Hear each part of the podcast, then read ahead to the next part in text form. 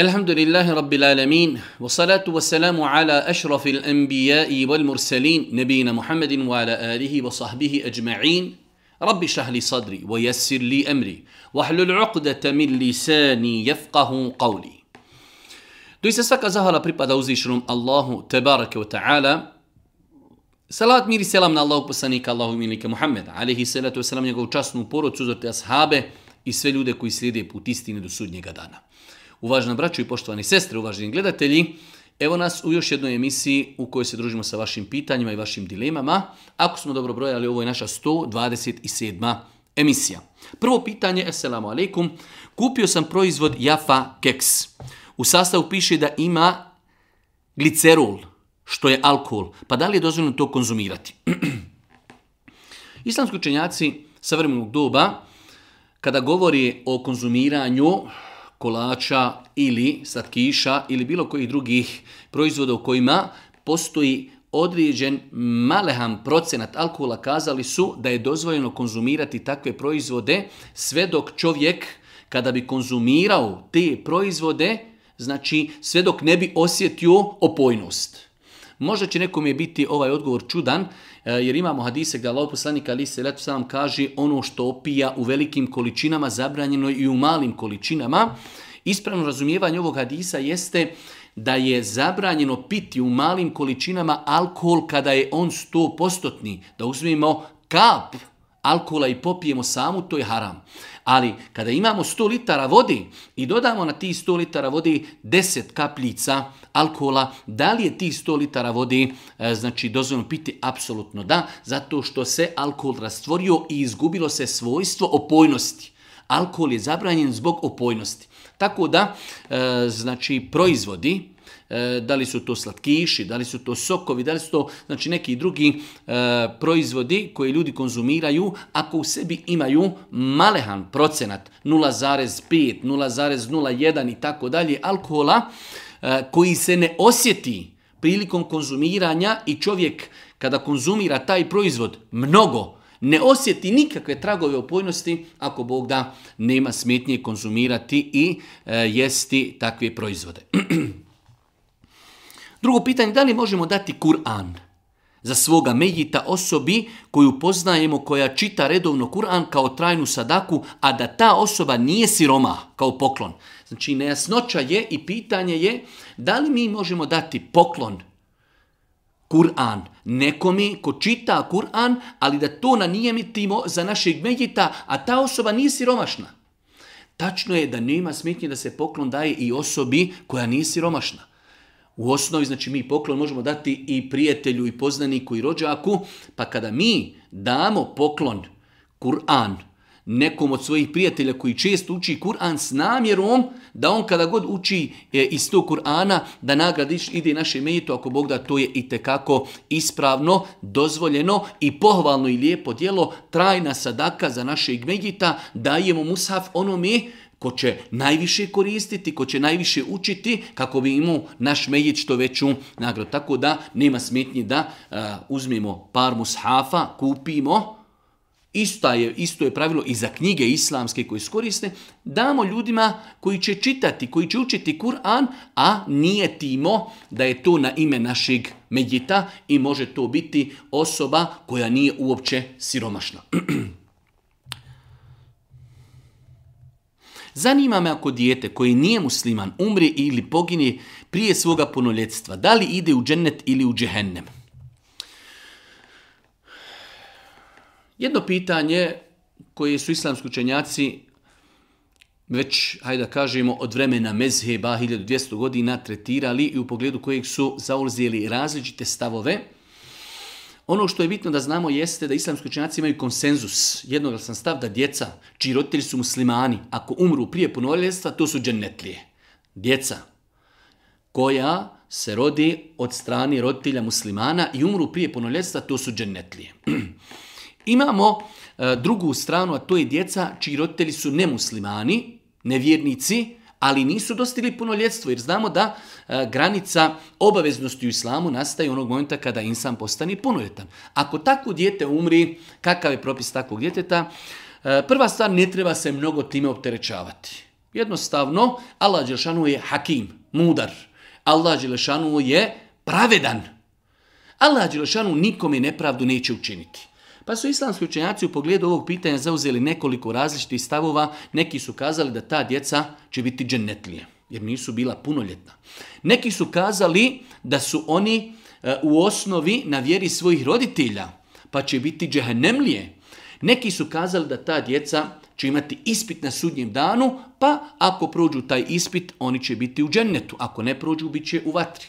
Neki učenjaci su kazali da će oni biti e, od stanovnika Bedema, Eh, u svakom slučaju, neki učenjaci su kazali da to pitanje jednostavno imamo različite argumente u pogledu tog pitanja, tako da je najbolje da čovjek ostane suzdržan u pogledu tog pitanja. Eh, u svakom slučaju, ono što možemo znati jeste da islamski učenjaci imaju više stavova, ima više različitih dokaza, teško je jedne dokaze preferirati na drugima, ne treba se mnogo time opterećavati, znamo i vjerujemo da je Allah milostiv, vjerujemo da je pravedan i vjerujemo da je mudar. Tako da Allah Đeršanu će toj djeci e, koja su umrla prije punoljetstva, a njihovi roditelji su nevjernici, Allah Đeršanu će prema njima biti pravedan. Kako će se manifestirati ta pravda, ne trebamo se mi mnogo time opterećavati. Četvrto pitanje, redovno klanjam pet dnevnih namaza. Pridržavam se koliko mogu suneta i farza i tako dalje.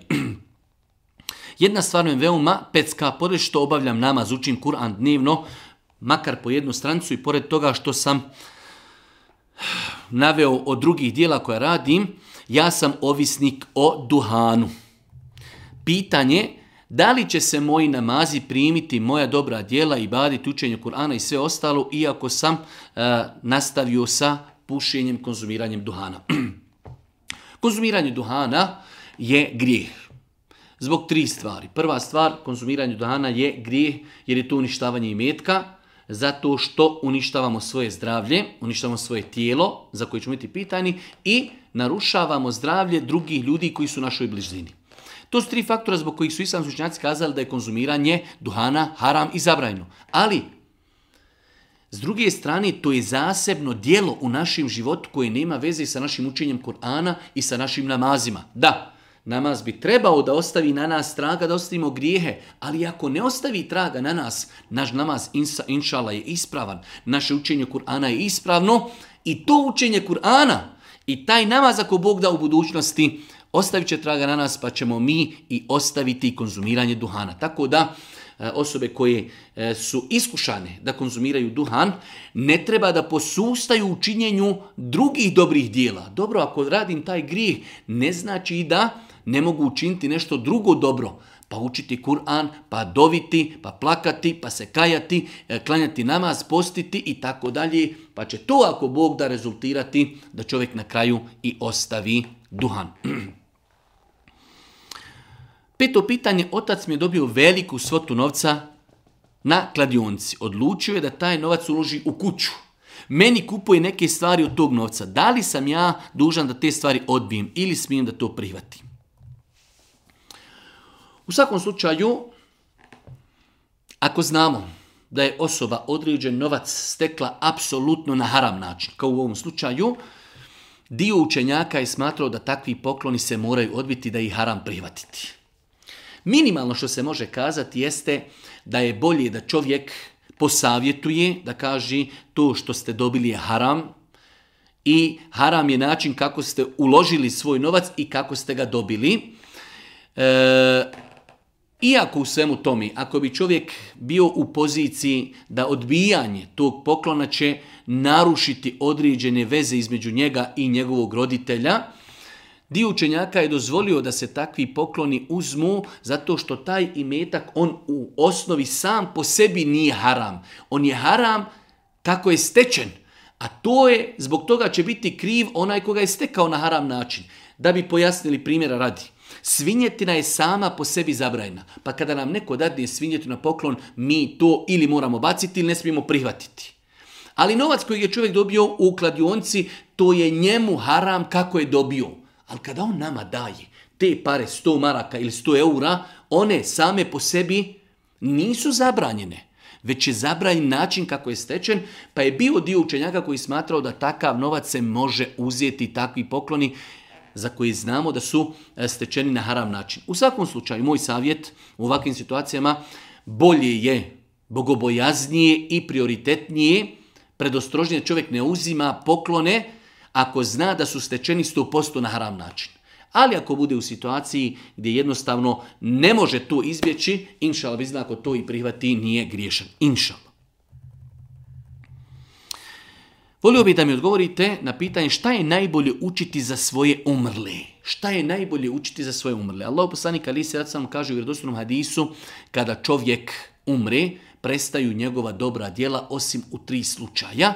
Pa je spomenuo jedan od ta tri slučaja, e, znači mm, odnosno kada čovjek umre, Allah poslanik ali se sam kaže e, čovjek, čovjeka prati troje, a kaže jedno se vraća, sa njim ostaje dvoje, e, ostaju sa njim njegova dobra djela, vraća se dobro dijete koji će doviti za svoga roditelja. Tako da e, e, vjerodostojni hadisi potvrđuju da dova djeteta za roditelja koji umru koristi. E sada šta ćemo mi doviti i tražiti za svoga roditelja? Doviti da mu Allah oprosti grijehe.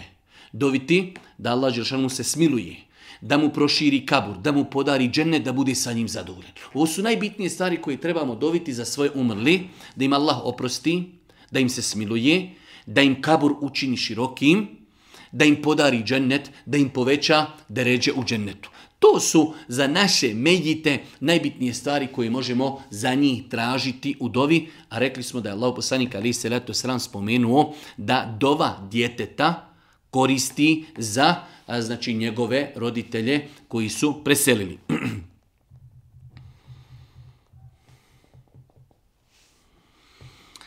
Ako Bog da, trebala bih ubrzo postati majka jednog dječaka, suprug i ja razmišljamo o imenu koje bi mogli nadjenuti i našla sam na neka razilaže. Naime, suprug želi da dječak, ako Bog da, se zove Mirza. Međutim, kada potražim da li je ime muslimansko, vidim da negdje piše da ima hebrejsko, a negdje perzijsko porijeklo i tako dalje. Pitanje da li se mogu takva imena davati djetetu? Mirza. Nema smetnje da se djetetu da ime Mirza, mi na imena gledamo u prizmi našeg jezika. Ne treba se mnogo bačkati i da li ime ima porijeklo uh, u perzijskom jeziku. Mirza, mi gledamo na ime Mirza u bosanskom jeziku. Ima li ime Mirza u bosanskom jeziku loše znači? Nema. Tako da samim tim i nema, ako Bog da nikakve smetnje, da se djetetu da e, ovako ime, ako su saglasni roditelji. To što nekada ime može u nekom tamo svjetskom jeziku, da li je to perzijski, da li je to grčki, da li je to turski, ili nešto, imati možda neko loše značenje, e, znači to je nešto nevezano za nas Svakako ako, ako doista ima neko loše značenje e, i mi možemo odabrati drugo ime, to je u redu. Ali sama činjenica da je porijeklo tog imena e, ili u hebrejskom jeziku ili u perzijskom ili, ili, ili, to ne treba da nas odvraća e, od davanja djetetu tog imena ako to u našem jeziku nema nikakvo loše značenje. Osnovno pitanje, radim noćnu smjenu do šest ujutro kada je sunce već izašlo. Da li moram naklanjati sabah namaz jer ne mogu klanjati dok sam na poslu? Ili je moja volja hoću li naklanjati sabah ili ne ako sam previše umoran? E, ispravno je i tačno je da se sabah namaz mora klanjati pri izlaska sunca. Ova konstatacija ne mogu klanjati na poslu nije prihvatljiva. Kao što mi imamo obavezu prema porodici i prema sebi da obezbijedimo egzistenciju, isto tako mi imamo obavezu koju nam je nametnuo naš gospodar, a to je da se namaz klanja u namaskom vremenu. Musliman treba da da sve od sebe, da klanja namaz na znači poslu u namaskom vremenu.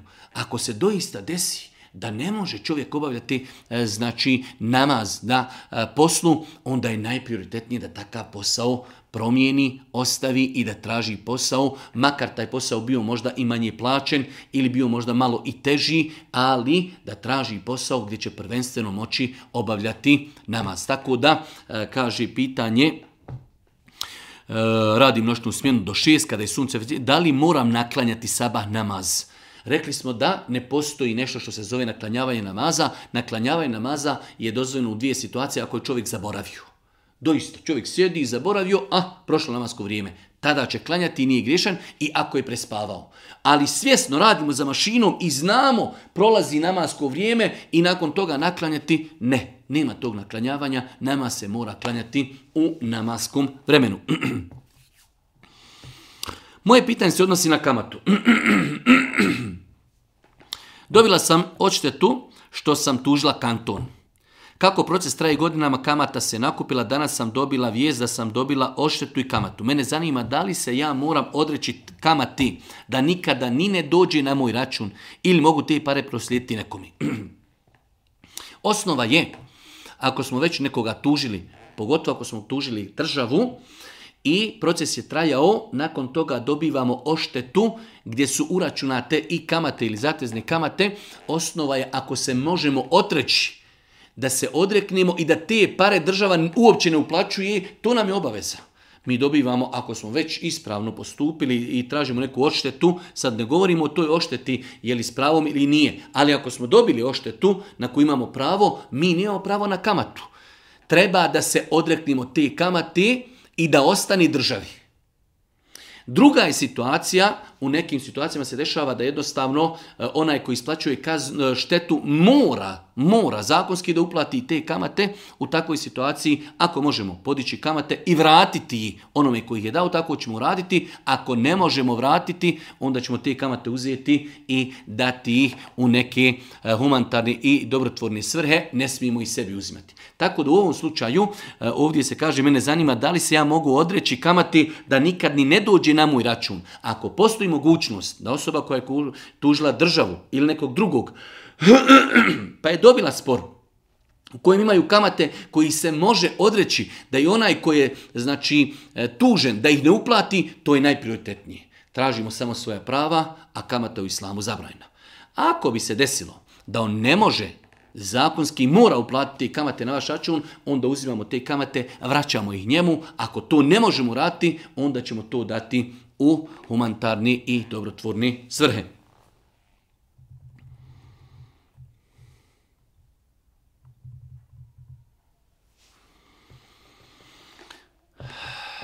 Da li je u redu da musliman klanja namaz u poderanim čarapama? Koji je vaš stav? E, klanjati u poderanim čarapima nema nikakve veze sa validnošću i namaza. Muslimanu je dozvoljeno klanja bos. Muslimanu je dozvoljeno čak da klanja u, u nekom šorcu koji je ispod koljena, da ne govorimo da mu je dozvoljeno da klanja e, ako je bos. Tako da nema nikakve smetnji s aspekta islama i validnosti namaza. E sada s aspekta E, znači e, društvenog, da čovjek dođe možda u džamiju, pocijepane čarape, e, da li je to lijepo, da li nije lijepo, da li je doliči, da li ne doliči, da li će ga neko ismijavati ili ne, to je nešto drugo, ali s aspekta islama čovjek kod kuće pocijepani čarapi klanja ili žena pocijepanih čarapa klanja ili došao u džamiju, a na čarapu ima, znači, pocijepani su čarapi, to nema nikakve veze sa validnošću namaza. 11. pitanje zanima me jesu li oni koji vjeruju u sveto trojstvo, koji vjeruju da je Isa, Boži sin, da li su oni sljedbenici knjige ili su oni nevjernici? U islamu postoji dvije kategorije ljudi u ovom kontekstu, muslimani, vjernici i nemuslimani, nevjernici. U islamu imamo u ovom kontekstu dvije kategorije, muslimani, vjernici i nemuslimani, nevjernici. Jeste uzvišeni Allah subhanahu wa ta'ala učinio je da sljedbenice knjige, kršćani, židovi, e, da se za njih vezuju određeni posebni propisi u odnosu na ostali nevjernike. A da li su e, Ehlul Kitab, kršćani i židovi, da li su nevjernici? Apsolutno da. Apsolutno da. Muslima ne smije da sumlja znači jedne sekunde. Da li su kršćani i židovi nevjernici? Apsolutno nevjernici. Allah Đelšanu kaže u Kur'anu Lekad kefara ledine kalu inna Allahe thalithu thalatha. Doista su nevjernici. Kufr. Lekad kefara ledine kalu. Doista su nevjernici oni koji govori Allah je jedan od troje.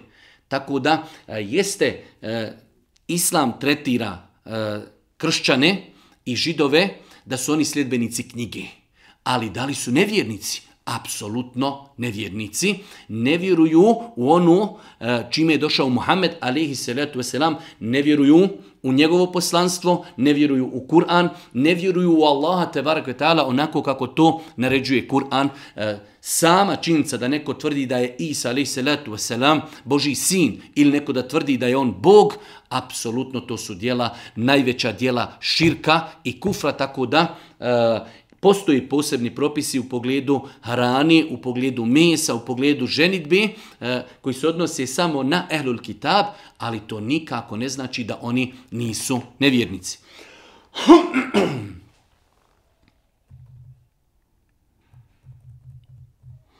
Šta da radim kada na jednoj aplikaciji stoji da je sabah namaz u četiri, a u drugoj eh, da je u četiri trideset. Također jacija namaz. U jednoj aplikaciji stoji da je u 20, 10 i 30, a u drugoj da je u 11. Kada je u pitanju sabah namaz, imamo dvije aplikacije, u jednoj je 4, u jednoj 30. Ja sam stava da je uvijek bolje postupati po onoj koja je kasnija. Jer osnova je noć. Imamo jedno veliko pravilo u fikhu, e, el aslu u makane ala makan. Osnova je da određena stvar je ostala na istom propisu sve dok ne dođe nešto što je promijenilo taj propis. Osnova da je noć. Osnova je traje noć. Pa ako imamo aplikaciju koja kaže da je sabah u 4, a druga u 4.30, smatram da bi čovjek bio siguran da je njegov namaz validan, treba da klanja u 4.30 i onda je i po jednoj i po drugoj aplikaciji ispravno postupio. Ali ako klanja u četiri sata po jednu aplikaciju ne klanjao prije nego što je nastupilo namasko vrijeme. Kažem ispred ostrožnosti. Kada u pitanju jacija, Znači, e, možemo se povoditi po tome, e, znači od akšama da gledamo da je prošlo sahat i po. U normalnim uvjetima i u normalnim, e, znači, zemljama gdje sunce ima normalan izlazak i zalazak, Konkretno mislimo da to nisu samo neke skandinavske zemlje gdje dan traje mnogo duže ili gdje noć traje mnogo duže, ali ako su to u pitanju neke, da kažemo, normalne situacije, e, od akšama ako dodamo sahat i po, sahat i 40 minuta nakon toga ako Bog da možemo klanjati jaciju, tako možemo vidjeti koja je aplikacija bliža ako po jednoj se klanja e, u 10.30, po jednoj u 11. Ako ova koja je u 10.30 ako je već od akšama prošlo sat i 30 minuta, sat i 35 minuta, onda se može po toj aplikaciji raditi. Nadam se išala da smo koliko toliko uspjeli pojasniti ove nejasnoće. Obavila sam umru. Pri povratku hotel malo sam sa suprugom odmorila i zatim imali intimni kontakt, ali sam se odmah sjetila da sam zaboravila skratiti kosu. Odmah sam uzela makaze, skratila i tako dalje. Znači, kada obavljamo umru, čovjek, e, sastavni dijelovi umrije su nijet, tavaf i saj. Osoba koja obavlja umru, obavit će sedam krugova tavafa, klanjati dva rekiata, e, nakon toga obaviti saj i nakon toga skratiti ko su bila muškarac ili žena. E, šta da uradi osoba koja izaborava zaborava uradila određenu stvar koju nije smjela da uradi, jer intimni kontakt se ne smije činiti dok ne završimo umru totalno, a završetak umrije se dešava kada skratimo kosu. Ovdje imamo da je osoba završila umru, ali još nije skratila kosu i nakon toga imala intimni kontakt, a nije skratila kosu. Uradila je to i zaborava. U svakom slučaju, njena umra je završena, inšala biznillahi, završetkom saja. Skraćivanje kose nije rukn. Tako da e, intimni kontakt nakon saja, a prije skraćivanja e, kose ne kvari umru to je jedna stvar. Druga stvar, to se desilo i zaborava. Tako da e, ovakva umra, znači je inšala vizna validna, ispravna, dio učenjaka je smatrao da osoba treba da se iskupi za prekršaj, e, a taj prekršaj je da je napravila e, nešto što nije smjela napraviti u hramima, a iskup za to je ili da posti tri dana, ili da nahrani ši siromaha, svakom siromahu će dati pola saa. E, sa, jedan je dvije i po kile, pola sa je znači otprilike kila i po. Preporučujem ovoj našoj sestri koja je napravila grešku. Imala intimni kontakt e, nakon što je obavila saj, a nije skratila kosu. Trebala je skratiti kosu, ali zaboravila. Ja ispred ostrožnosti preporučujem da e, ili poslije tri dana, ili da nahrani šest siromaha, svakom siromahu da da otprilike kilu i po, znači kilu i po e, prehrambenih artikala. 14. pitanje. Zanima me da li je grijeh ako ne želim više djeci. Imam jednu malu bebu. Mislim da ako bih imala još djeci, da ne bi bilo, e, da dijete to novo ne bi bilo željeno i voljeno, bilo bi veoma teško s tim što studiram i dalje i nije nam lako u financijskom smislu.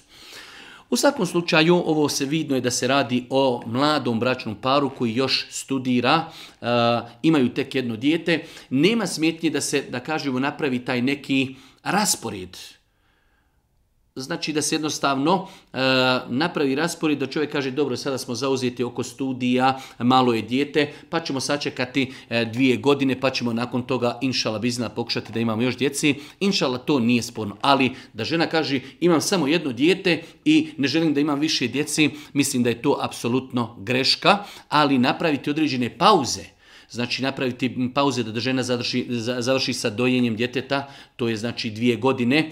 Nakon toga ako zatrudni, pa trudnoća traje godinu dana, znači da bude između dvoje djece tri godine, pa da se završi možda i studiji, e, dok se možda malo popravi i financijsko stanje, iako samo financijsko stanje ne bi trebao da bude ključni faktor u pogledu koliko ćemo djece imati, jer je rizik i nafaka od uzvišnog Allah subhanahu i oni koji imaju više djece znaju da svako novo dijete koji dolazi u porodcu donosi novu i veću nafaku za porodcu. To je apsolutno tačno. Tako da, odgovor je ne treba jedna poroca da se zadrži na jednom djetetu, ali isto tako da napravi neki svoj, da ga nazovemo plan, ili da malo odgodi e, novu trudnoću dok se možda završi studiji, dok dijete malo oskoči dok ima dvije ili tri godine, pa ponovo da imaju potomstvo, inšala bizna. to bi trebalo da tako bude. Koje je dove najbolje učiti za osobu koja se nalazi u bolnici, koja je teško bolesna? Imaju određene dove koje Allah poslanik ali se letu selam preporučio da se uči za bolesnika, ali isto tako e, dosta puta mi se opterećujemo, tražimo određene dove koje možda i ne razumijemo. Šta treba da dovimo za čovjeka koji je bolestan?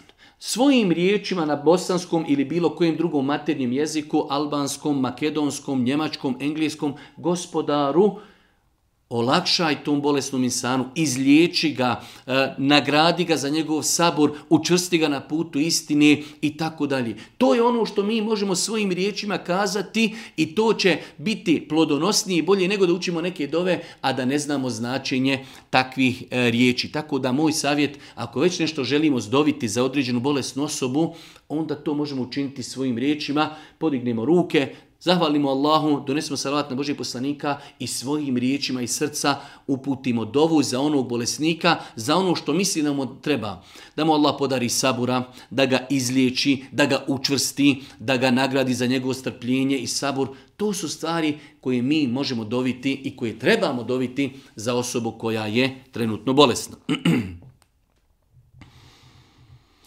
Podavno sam pročitala na nekom portalu sljedeći. Ako je neko napadnut od džina i šitana i ako mu napravi bolest, zdravstveno oštećenje, da će inšala ta osoba ući u džennet. Da li možete nešto reći o tome? Ne znam da postoji dokaz u islamu, u Koranu i sunnetu, koji e, precizno i jasno kaže da osoba koja ima problema sa džinima i šetanima, iako ako umri od toga da će u džennet. Može se desiti da osoba ima problema sa džinima i šetima, nikad ne klanja, nikad ne posti, e, drogira se, svjesno pije alkohol, kocka se, da mi kažemo, aha, samo zato što je imala problema sa džinima i šetanima, zbog toga će ući u džennet. Može se i treba se uznemiravanje džina i šetanja smatrati kao musibet, kao nedaća, kao iskušenje, kada se čovjek strpi na tome, bit će nagrađen. Ali da kažemo da svi koji imaju problema sa džinima i šetanima, ako im je to bio uzrok smrti, da će zbog toga ući u džennet, to je već e, prekrupna konstatacija za koju moramo imati dokaz iz Korana i sunneta.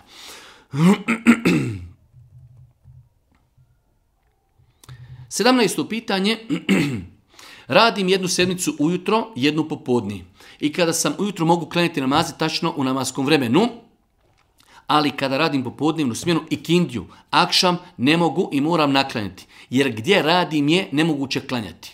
Moje pitanje da li mogu ponekad izostaviti sunnet i sun sunnet od jaci jer kasno dođem s posla u pola 11.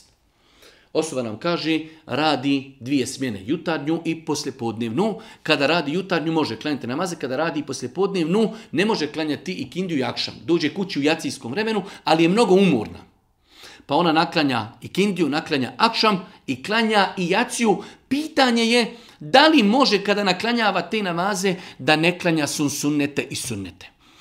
Smatram za ovakvu osobu da je mnogo prioritetnije da pita da li je ispravno što ne klanja akšam i kindiju. Sun sunneti i sunneti ako ih ne bi klanjali nikad u životu. Allah nas neće za njih pitati, ali će nas Allah pitati za jedan namaz koji nismo klanjali u namaskom vremenu. Tako da čovjek kada je na poslu mora se potruditi da klanja namaz u njegovom vremenu mora se potruti na vas u njegovom vremenu, ako bi se doista desilo da čovjek daje sve od sebe, a ne može klanjati, onda Allah najbolji zna takvoj osobi je e, vid obavezi da traži sebi drugi posao, makar taj posao bio i manje plaćen i možda bio malo teži, ali Allahovo zadovoljstvo je mnogo prioritetnije od bilo kakvih dunjalučkih privilegija. Tako da moramo svoj život, svoje obaveze uskladiti sa obavezom namaza.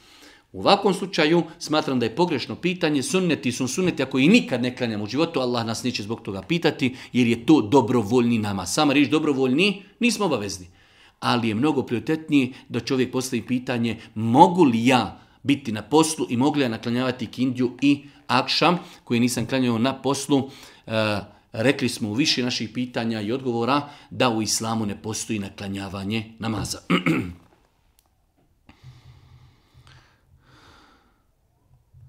19. pitanje. S obzirom da je konzumiranje nargile haram, da li je prodaja okusa aroma za nargiru haram? Ako se čovjek vodi principom kao i za alkohol, onda je to zabranjeno. Pitanje je da li je prodavanje aroma za nargilu haram?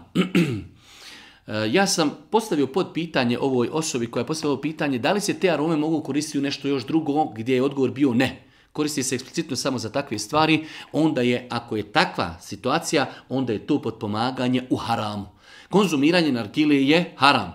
Prodavanje čaša, prodavanje, ne znam, crijeva, prodavanje aroma pod bilo čega što će promovisati, potpomagati, afirmisati nargilu i konzumiranje nargile je haram. I čovjek je ovdje naveo princip da alkohol je zabranjen, ali je u lancu Alkohola prokljeto deset osoba. Svi oni koji su direktno ili indirektno učestvovali u proizvodnji i točenju i pijenju alkohola, svi su prokljeti kao što je došlo u hadisu, vjerodostojno da je deset osoba prokljeteno zbog alkohola.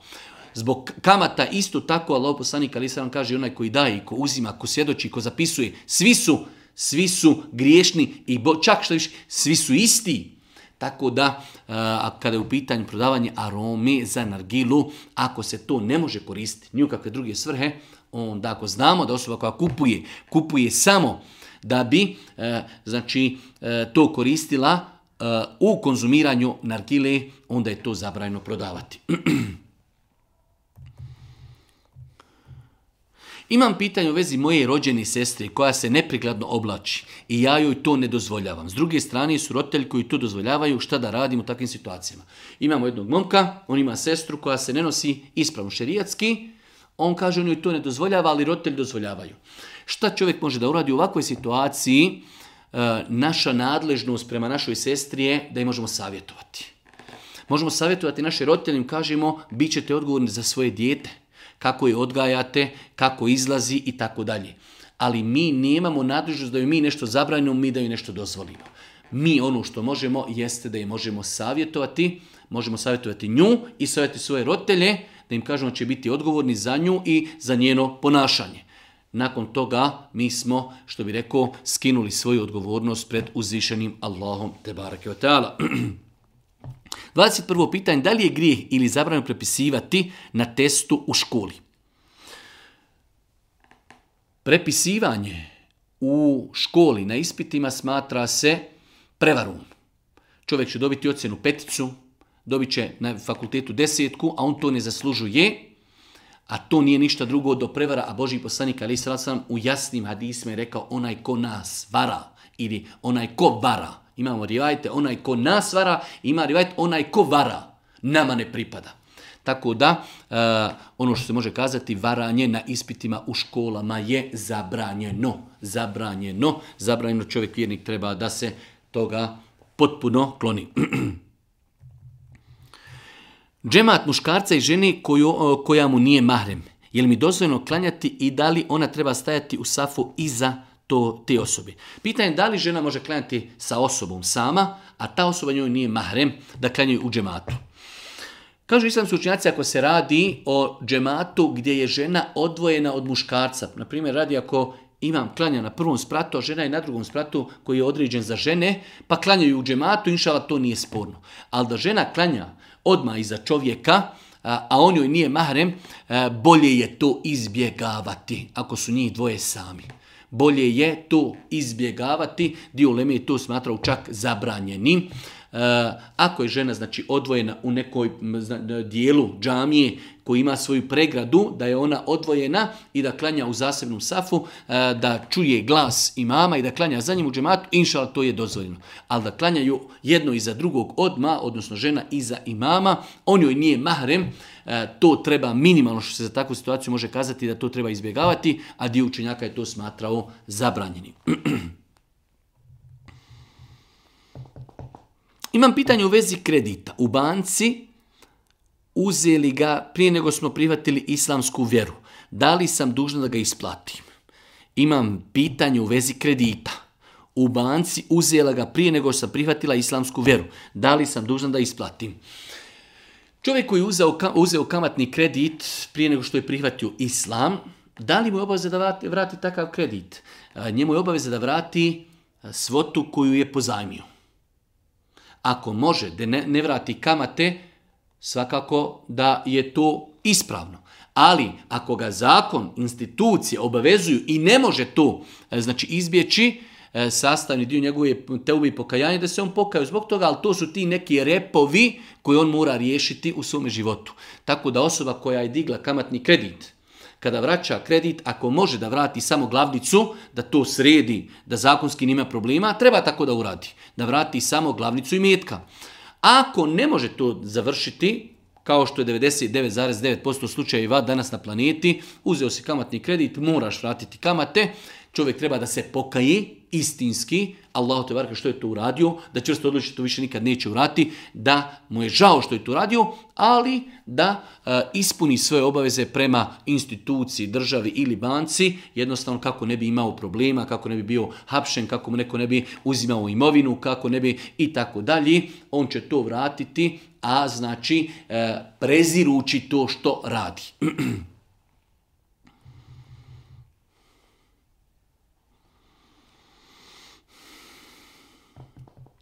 Jedno malo duže pitanje gdje jedna naša sestra kaže ja sam prije otprilike godinu dana počela da klanjam, na šta sam se pripremila dug period i psihički i to me je mučilo i tako dalje. Onda kada se poklan stupio je problem gdje moj otac nije mogao da prihvati moje pokrivanje iako sam ja udata žena i ne živim sa njim. Poslije nekog vremena je to prihvatio, ali je problem bio dalji. Moj otac je navikavao da mezi, znači uz alkohol svaku veći, i dolaziti meni gdje mi napravi problem jer nema alkohola i kaže da mi neće dolaziti jer nema alkohola i tako dalje. Da li je ta naša sestra griješna što svom ocu ne iznosi mezu i alkohol, a ona je udata i pokrivena, on je ljut na nju.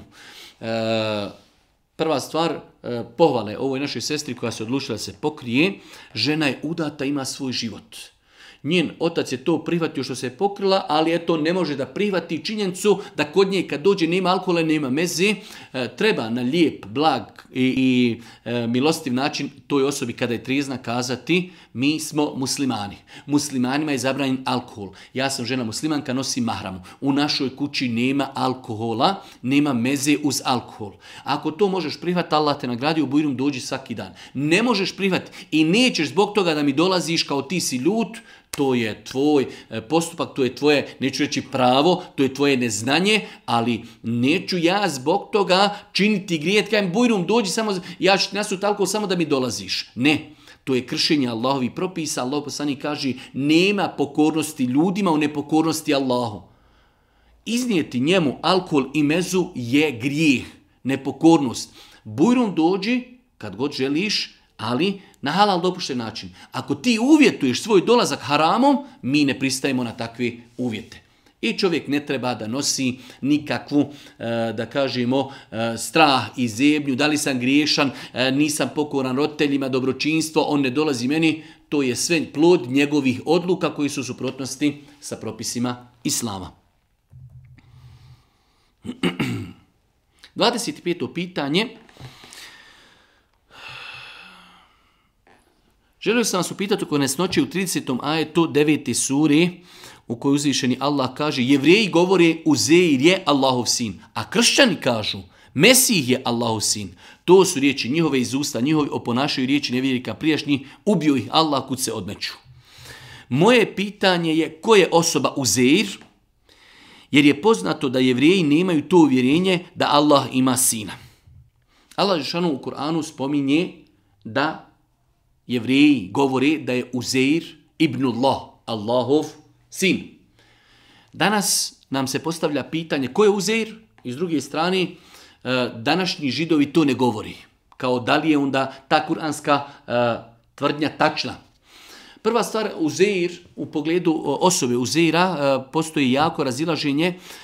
Inšala biznila da se radi o jednom pobožnom i iskrenom, dobrom Allahovom robu koji je živio u Benu Israilu. Iako dio učenjaka ga je smatrao i poslanikom. Dio učenjaka ga je smatrao poslanikom. E, u jednom od hadisa Boži poslanik je kazao Wama edri, e uzeirun nebijun emla.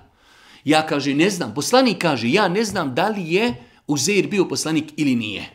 I na tome je ostalo. Poslanik nikada nije ovaj hadis nadopunio da kaže, e, sada mi je došla objava. Sam poslanik nije znao da li je Uzir bio poslanik ili ne.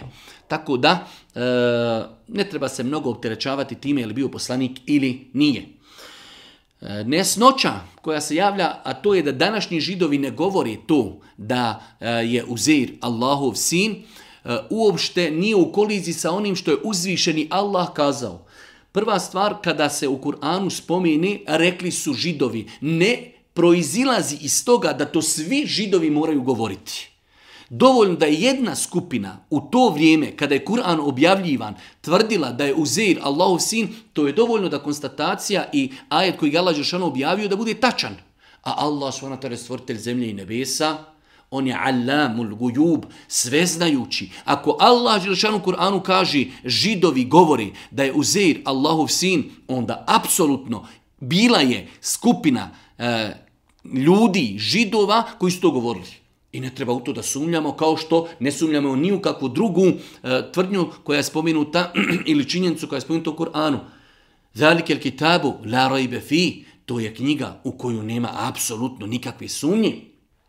Jesu islamski učenjaci kazali da ta skupina koja je tu tvrdila da je iščeznula, da su nestali, da ih više nema, ali su postojali u vremenu kada je Kur'an objavljivan. Tako da e, nikakve kontradiktornosti nema, Kur'an je apsolutna istina. E, da je bilo ljudi u među židovima koji su tu tvrdili apsolutno da. Kako znamo? Jer je to Allah rekao. Da li danas ima, to nas uopće to nas uopće ne treba, e, da kažemo, tangirati e, ili nasikirati. E, Kur'an je Allahov govor apsolutna istina. Ako je žena za vrijeme hađa doživjela poluciju, ako je žena za vrijeme hajza, ne hađa, hajza doživjela poluciju u snu i na javi više puta za vrijeme tog perioda, može li se okupati samo jednom na kraju hajza za sve te razloge? Znači imamo ženu koja je u hajzu, ali je u isto vrijeme u toku hajza eh, u snu doživjela, doživjela poluciju. Da li žena kada se nakon toga kupa, treba da se okupa dva puta ili jednom. Dovoljno je se jednom okupati, znači kada završi hajz, žena će se jednom okupati i na taj način od sebe ostraniti i nečistoću hajza, pravnu nečistoću i pravnu nečistoću džunupluka. Znači ona kada se kupa, čisti se i od džunupluka, ali se čisti i od e, mjesečice, tako da e, u situaciji kada imamo da se pri osobi nađi više razloga zbog kupanja, dovoljno je, dovoljno jedno kupanje da bi e, od insana odstranilo sve te pravne nečistoće. U ovom slučaju žena je bila u hajzu, kada završi hajzu, ona treba se okupa. U toku hajza je doživjela poluciju, znači od polucije se treba kupati.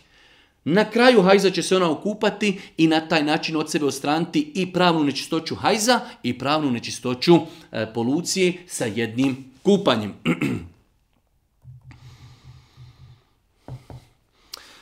Pozdrav od mog prijatelja koji je musliman. E, musliman je djevoj koji je musliman. Prijatelj koji je musliman je djevojka, pravoslavac i slavi 18. rođenom poznatom kubu gdje ima muzike alkohola i želi sretno da ga proslavi već su dugo zajedno, jedno trigon. Da li on može doći ispoštovati je, a ne mora da pije? Gdje ima čovjek djevojku, sa njom je u vezi tri godine, o tome nećemo govoriti u islamu, znači e, čovjek koji želi da se ženi, upoznaće djevojku, ali to biti s nekim tri godine, nekim vezama, to islam ne poznaje. Drugo je pitanje. Pitanje je ona će slaviti svoj rođendan u nekom poznatom klubu gdje ima muzike, ima alkohola. Može li on tu doći da pro, da sa njom obilježava rođendan bez da pije alkohol? Ne, ne može da dođe jer je to mjesto, znači i muzika i alkohol, miješanje muškaraca i žena. Uh, Allah poslanik ali sam zabranio je da čovjek bude na trpezi i zasjedi za trpezom gdje se konzumira alkohol. Tako da čovjek vjernik, sad da ne govorimo o propisu tri godine veza, ašikovanje, to su e, zasebne stvari, ne može e, prisustovati haramu je da prisustuje proslavi rođendana e, koji se proslavlja u nekoj poznatoj diskoteci uz muziku i uz alkohol. Selam ja sam iz Hrvatske, prije sam bila kršćanka, sada sam ušla u islam i našla sam budućeg muža, e, inšala, on je isto musliman iz Srbije. E, želimo se širijatski vjenčati, ali moji roditelji ne vole islam i imaju kriva razmišljanja o muslimanima. Ja, nažalost, još uvijek živim, u vje, živim vjeru u tajnosti. E sada moje pitanje, kako da ja njima priopćim to? E, mnogo me je strah i tako, oni su religiozni i tako dalje. U svakom slučaju, E, kada je u pitanju osoba koja je primila islam, ako se radi o punoljetnoj osobi, onda je to e, pravo te osobe da da kažemo da odabire sebi religiju koju želi. U ovom slučaju ona želi da bude muslimanka. Ako želi da se vjenča za čovjeka muslimana, to je opet njeno pravo. Svakako da treba da na blag i lijep način pokuša tim ljudima pristupiti, pojasniti, iako ja sam lično uvjeren da je kada je u pitanju pogotovo Balkan, E, balkanskom mentalitetu je veoma teško prihvatiti da e, neko prihvati islam. Mnogo, mnogo teško. E, znači i osobe koje primi islam trebaju da budu spremne i na određena i provokacije i zlostavljanja i torture i da ih se neko odrekni. Tako da ovakva osoba Znači, ako je punoljetna, ima pravo da se uda za koga hoće, ima pravo da eh, bude sljedbenik vjere koji hoće. E, u svemu tome, treba da im to saopšti na lijep, jedan blag način. Ako to prihvati, dobro jest. Ako ne, treba da bude spremna i da ode živjeti negdje, ne na njihovoj adresi. Zanima me da li je obaveza klanjati dva rekeata prilikom klanja kurbana. Mislim na kurban bajram. E, ne postoji nikakav poseban namaz koji se kolje prilikom klanja kurbana. Ovdje je pitanje da li je obaveza. Ne da nije obaveza, nije obaveza i ne postoji nikakav namaz koji se e, klanja prilikom klanja kurbana. Kurban je ibadet, zaseban, nema za e, nikakav namaz koji je vezan za klanje kurbana. Čovjek prije kurbana dođe i klanja dva rekiata, četiri manje ili više. Ne postoji takav namaz. Ne da nije obaveza, ne postoji takav namaz.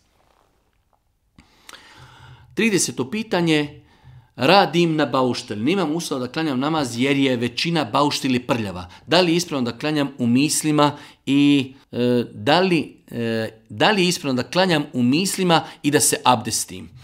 E, nije tačna konstatacija da je bauštela nečista. Nečisto je u islamu ono za što postoji dokaz kao što je mokrača, kao što je izmet i znači veoma malo stvari islam tretira nečistim beton, cement, zemlja, e, goriva, masti, ništa od toga po islamu nije nečisto. Tako da čovjek treba da prilagodi sebe i svoj život i svoj posao na maskim vremenima. Nema nikakve smetnje da čovjek na baušteli, makar bio u radnom odjelu na kojem ima cementa, prašine, zemlje, znači nema smetnje da u takvom odjelu ode, znači abdesti negdje u čošak prostrije ili neki karton ili neki dasku ili na zemlji ili neki stiropol i da tu uklanja četiri rekiata farza i nastavi raditi svoj posao. Tako da neispravna je konstatacija da je bauštela nečista.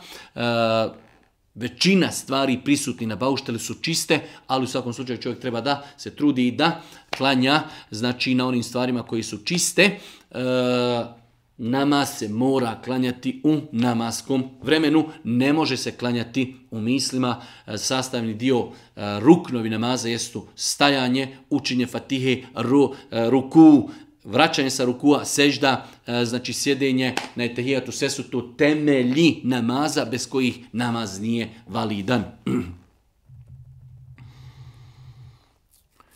Da li se pravoslavac može ukopati kao musliman, to jest da mu se klanja dženaza?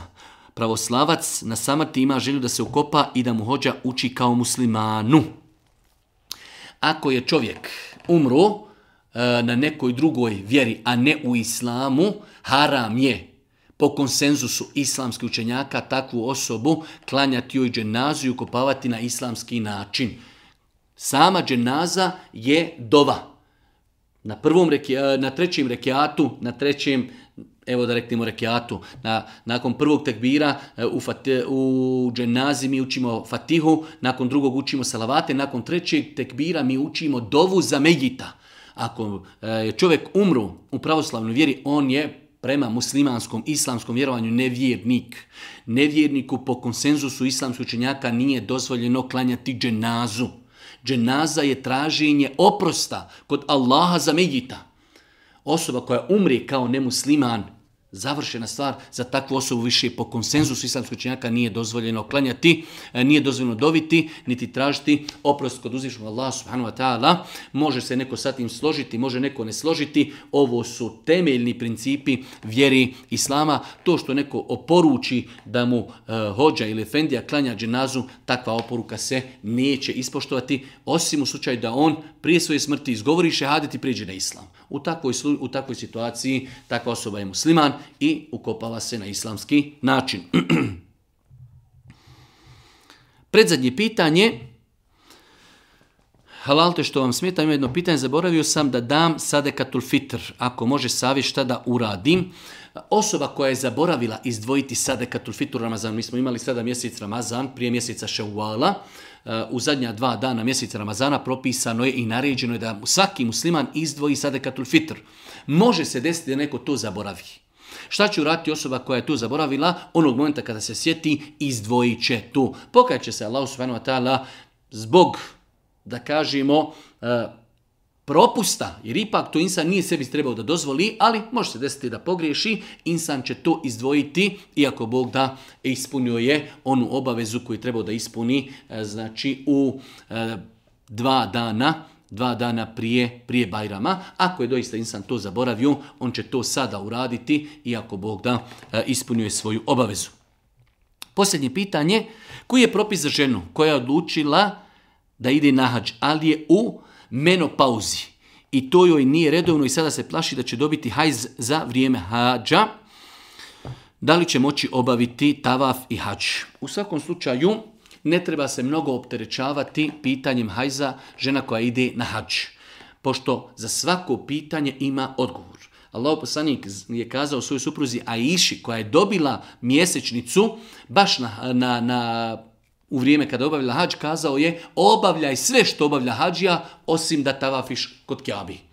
Tako su islamski učenjaci i kazali. Žena koja je u hajzu obavlja sve propise osim tavafa. E sada, ako se desi da žena se još nije očistila od eh, hajza, a njena grupa, skupina, organizacija s kojom je došla, ide ne mogu čekati, ona će se tada zaštititi, znači higijenskim ulošcima i otići obaviti e, eh, hađijski tavaf, spojiti zajedno namjeru i sa oprosim tavafom i njen hađi, ako Bog da, ispravan. Znači žena koja dobije mjesečnicu eh, na hađu obavlja sve propise od boravka na mini, na muzdelifi, na refatu, bacanju kamenčića sve živo obavlja što obavlja hađija, osim tavafa hađijskog. Čekat će da se okupa. Ako se okupa, obavit će to u redu. Ako se desi, ima let, ide organizacija, ne mogu je čekati da se ona okupa, Znači, pred sami polazak zaštitit će se higijenskim ulošcima, otići kod Kjabi, obaviti hađijski tavaf i imat će namjeru i da je to oprosni tavaf, iako Bog da, njen hađ je ispravan. Ostaje pitanje sada, e, znači, je li prije toga obavila saj ili nije, ali mi govorimo o tavafu, znači, može obaviti, e, može obaviti tavaf i u periodu hajza, ako je njena organizacija s kojom je došla, ne može čekati, ako imaju rezervisane letove koji ne mogu na Uzvišnog Allah subhanahu molimo danas učiti na putu istine podari nam korisno zdanje i na kraju subhanike Allahume ve bihamdike ešhedu in la ilaha ilan stakfiruke wa etubu ilik. 啊。